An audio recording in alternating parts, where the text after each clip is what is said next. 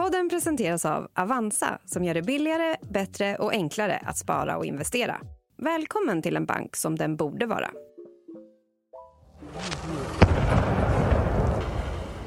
Ryssland samlar trupper i tusental längs gränsen.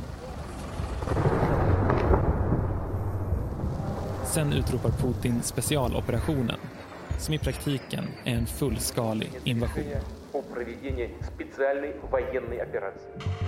Så gick det till för snart två år sedan och sedan dess har kriget fortsatt i Ukraina. Och den senaste veckan har regeringen påmint svenska folket om att kriget också kan komma till Sverige. Det finns ingenting som talar för att kriget står för dörren nu. Men det är väl alldeles uppenbart att krigsriskerna i vår del av världen har ökat rejält. Men skulle Ryssland anfalla Sverige kommer det gå till på ett annat sätt än i Ukraina. På en kvart får du veta vilka scenarier experterna ser framför sig vid ett ryskt angrepp. Och du kan inte röra dig någonstans för bara det står mil efter mil efter mil efter bilar som står still eh, och man kanske börjar gå istället. Det är onsdag den 17 januari. Det här är dagens story från Svenska Dagbladet med mig, Henning Eklund.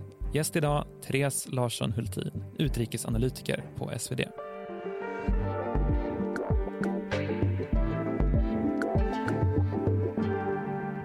Therese, du var ju med här för en vecka sedan och då från Folk och Försvars rikskonferens och där varnade ministern för civilt försvar för att det kan bli krig i Sverige.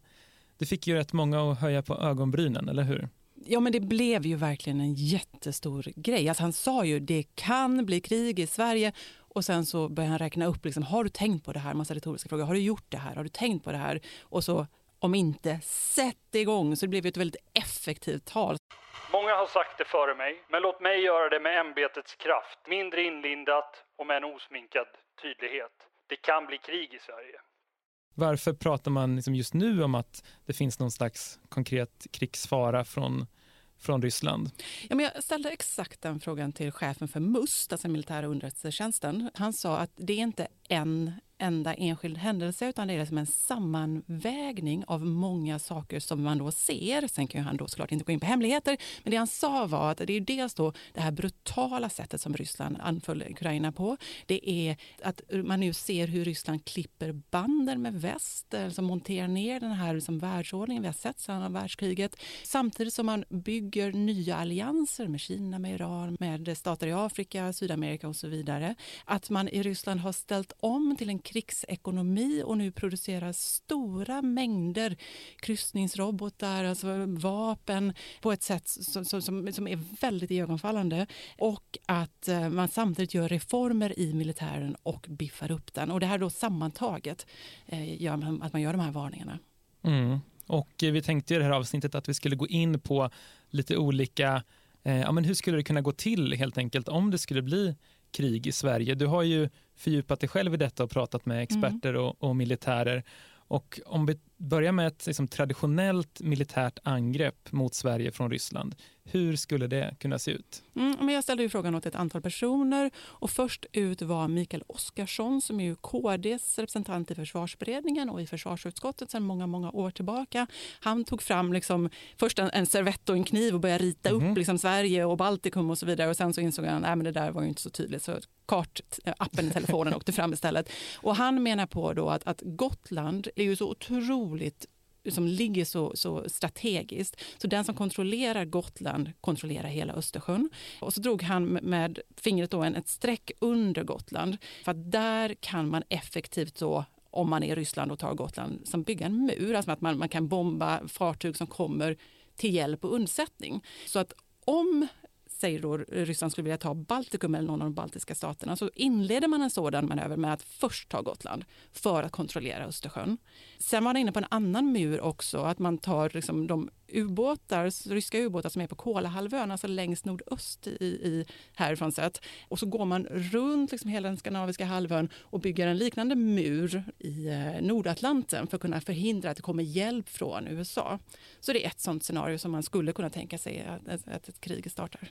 Och ett annat scenario som kanske fler experter pekar mot eh, är ju det här som kallas för hybridkrigföring. Mm. Vad, vad innebär det och hur skulle ett sånt scenario kunna se ut?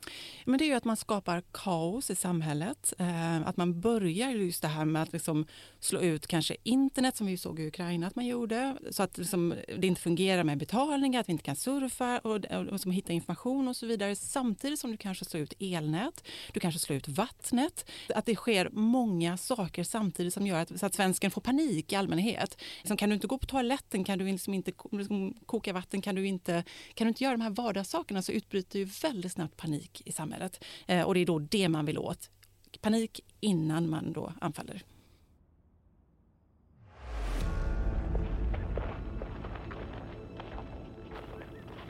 I ett scenario är det de stora städerna i Sverige som slås ut.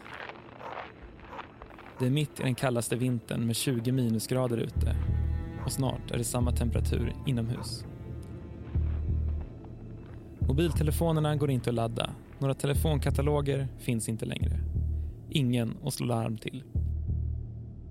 Ingen hjälp som kommer.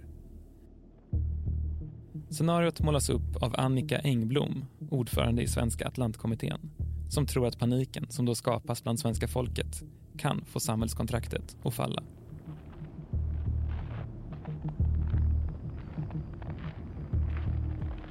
jag ser ju nästan som en, som en film, så här amerikansk katastroffilm framför mig. Någon pappa eller mamma som kämpar för liksom, vatten och mat till barnen som, som ger sig ut på gatan för att hitta, för att kanske byta bort sitt guldarmband mot, mot mat. Eller, det, det, det, är ju lätt att det blir liksom gatans anarki på något sätt. Eh, att man börjar plundra butiker. Alltså så här, det är ju hemskt att ens tänka de barnen men det skulle ju kunna hända. Att du tvingas kämpa för de här liksom mest basala sakerna och du dessutom inte om du inte har internet, om du inte har el, om det liksom, du kan inte sätta på spisen, det är mörkt när du går ut i trappuppgången. Ehm, var gör du upp eld för att värma någonting om du bor mitt inne i stan? Jag, jag får jobbiga bilder på näthinnan när jag tänker i de banorna.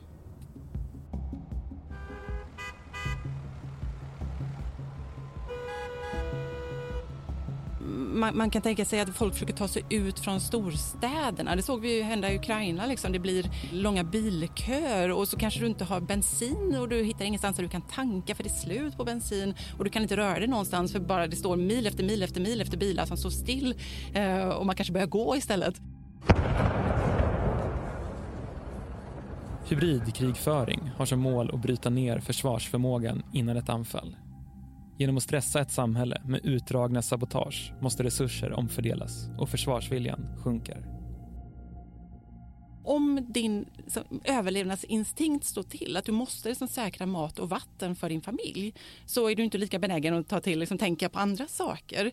Eh, det handlar ju om försvarsvilja. Vi har ju sett i Ukraina till exempel att just den här, alla trodde ju från början att Ryssland tar Ukraina på några veckor, liksom, sen är det hela över. Men så har det ju inte blivit och då är det just det här att det ukrainska samhället är så förberett att det finns verkligen en vilja att stå upp för sitt land. Det ser man som en av nycklarna till det här.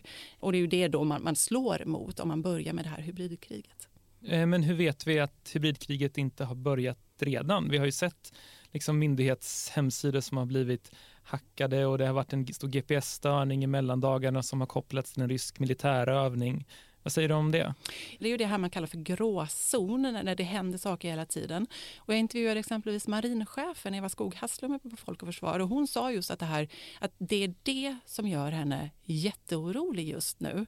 Att man ser mycket sånt på våra hav. Och det, det som hon kallar då det förnekbara. Det händer någonting stort. Vem har gjort det? Det vet vi inte. Det kanske inte går att bevisa. Varför har han gjort det? Är det en olycka? Är det inte en olycka? Det handlar om att skapa förvirring och att dra resurser från samhället. Det kanske man ser eh, att ett svenskt handelsfartyg kapas på andra sidan jordklotet. Vem har gjort det och varför? Man kanske orsakar en miljöolycka som ett stort utsläpp av någon sort. Mm, vem har gjort det? Alltså just det här att man skapar Frågetecken. Men, men också, så för inte liksom skapa panik här och nu, det, det är ju värt att bara säga att, att de som stod och pratade om de här sakerna i Sälen, det är ju inte så att man tror att det kommer bli krig i Sverige här och nu. Det man gör är ju att säga att det kan hända och om det händer så måste vi vara, vara beredda på det. Har inträffat i Polen bara kilometer från gränsen till Ukraina. Men något som kan vara lite lugnande i alla fall i ett sånt här läge som kan ses som lite upptrissat är att man skulle kanske kunna tänka sig att en konflikt skulle kunna starta genom ett misstag. Eh, men det scenariot avfärdas ju av flera experter som du har pratat med, eller hur? Ja, bland annat Oskar Jonsson som ju är doktor i rysk krigsföring. Eh, men det han sa är att han kan inte påminna sig ett enda krig överhuvudtaget där, där det har varit en olycka just som har orsakat att, liksom, att det blir ett krig. Och det såg vi också, det var väl 2022 nu, man, åren går in i varandra, men hur en robot landade på polsk sida, alltså på gränsen till Ukraina. Och väl, mm, I ett eh, NATO-land då? Ska vi säga, Polen. Ja, precis. Polen är ju ett NATO-land. Eh, och först var det ju, är det här en, en, rysk robot? Är det inte det? Och det var ju lite osäkert där, vad, hur, vad ska det här utlösa? Men, men man sansade ju sig och liksom, det hände ju faktiskt ingenting. Och sen så visade det sig så småningom att det troligen då var en robot från den ukrainska sidan som, som eh, landade på polsk mark. Så jag tror ändå det finns en medvetenhet. Eh, vi får verkligen hoppas att det inte blir så framöver, att, att en olycka skulle kunna utlösa något. This is an historic day. We welcome Finland as a newest member of our alliance. Och på tal om Nato så undrar man ju vilken roll det spelar i den här diskussionen. För de baltiska staterna är ju medlemmar i Nato, Finland också sen i våras, kanske snart, Sverige, det vet vi ju inte. Skulle Ryssland våga starta ett krig mot ett land som är medlem i Nato? Nej, det är det man inte hoppas och det är därför som man från NATO-håll hela tiden pratar om avskräckning. Eh, att man rustar nu för att Ryssland inte ska våga anfalla. Samtidigt så finns det ju också osäkerhet i och med Donald Trump som ju då kanske blir Republikanernas eh, presidentkandidat och då kanske till och med president i USA. Och han, under hans förra presidentperiod pratade ju ständigt om Nato som något som, som var, han använde obsolit som ord, alltså gammaldags, något som är liksom förlegat. Och han har ju sagt saker som tyder på att han skulle kunna tänka sig att dra ut USA ur Nato. Och exempelvis Oskar Jonsson som jag nämnde precis, han sa att, att skulle det hända, då faller ju Nato och då skulle det kunna bli mer intressant för ur ryskt perspektiv då att anfalla. Då skulle man kanske våga det. För med den här stora produktionen av ammunition och vapen som man har satt igång nu i och med kriget i Ukraina från ryskt håll gör att de har ett övertag gentemot bara de europeiska, de västeuropeiska staterna, väst och centraleuropeiska. Om vi inte håller ihop i väst, då blir läget mycket allvarligare och, och läskigare. Med bakgrund av det så kommer man ju lätt in på frågan vad skulle man göra om, om kriget kommer? Jag har tänkt på det själv och det är säkert många som lyssnar som har funderat på det eller pratat i fikarummen. Har du själv funderat på vad skulle du göra? Jag tycker det är en otroligt svår fråga. För jag, menar, jag bor mitt inne i Stockholm i en lägenhet där jag absolut inte har några så tillgång till att kunna laga mat på golvet om, om eh, triangelkök. Jag, jag har inte alla de här sakerna som jag skulle behöva. Däremot har jag det på landet. Ska jag då ta mig fortsatt skjutsa med familjen till vårt landställe och sitta där? Nej, fast det kommer ju inte gå. Med tanke på att jag har det jobb jag har så behövs jag säkert här. Så att, ja, jag har absolut tänkt de här tankarna och, och insett att jag måste börja förbereda mig mycket mer här i Stockholm också. Just det, har köpt en vevradio. Nej, jag har ju inte det, men det står på någon sorts, någon sorts mental inköpslista. Men efter alla de här diskussionerna så finns det ändå en del kritiker som kallar det här för krigshets och att det gör allmänheten och barnen oroliga i onödan. Varför tycker du att, du att det är värt att prata och, om och studera de här frågorna? Ja, men det är ju på ett sätt ett slags krigshets, absolut. Men samtidigt så är vi ju vad vissa säger fredsskadade i Sverige. Alltså vi har ju inte haft krig på över 200 år. För bara på veckor sedan så kändes det ju helt osannolikt att det skulle bli krig i Sverige. Så det man gör på något sätt är ju att skaka om den svenska befolkningen. På lite sikt så skulle det värsta kunna inträffa och det måste vi förbereda oss på. Just det. Eh, och en sak jag funderar på är den här diskussionen. Vill Ryssland det här? Vill de att vi ska vara rädda för dem och tänka att det, det kan bli krig snart? Går vi lite Putins ärenden genom att göra det här avsnittet? Ja, men på ett sätt så gör vi ju det. Det gagnar ju absolut Ryssland att vi är rädda. Men samtidigt så går vi också Sveriges ärenden. För om, genom att prata om det här, om vi kan få hela samhället att liksom tänka de här banorna och faktiskt gå tillbaka till den punkt vi var på för liksom, under kalla kriget och efter kalla krigets fall, där man hade planer. Det fanns bergrum med livsmedel, det fanns liksom eh, sjukvårdsmateriel och alla de här sakerna som vi saknar idag. Vi gav ju bort det där, eller förstörde. Och om vi kan komma till en punkt där vi som tar tillbaka det vi hade så gör vi, går vi också Sveriges ärenden. Jag tycker vi eh, avslutar så. Tack så mycket Therese. Tack själv.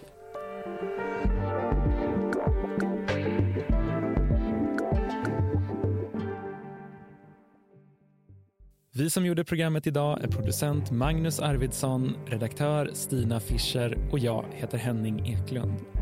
Vill du kontakta oss så mejla till dagensstory svd.se.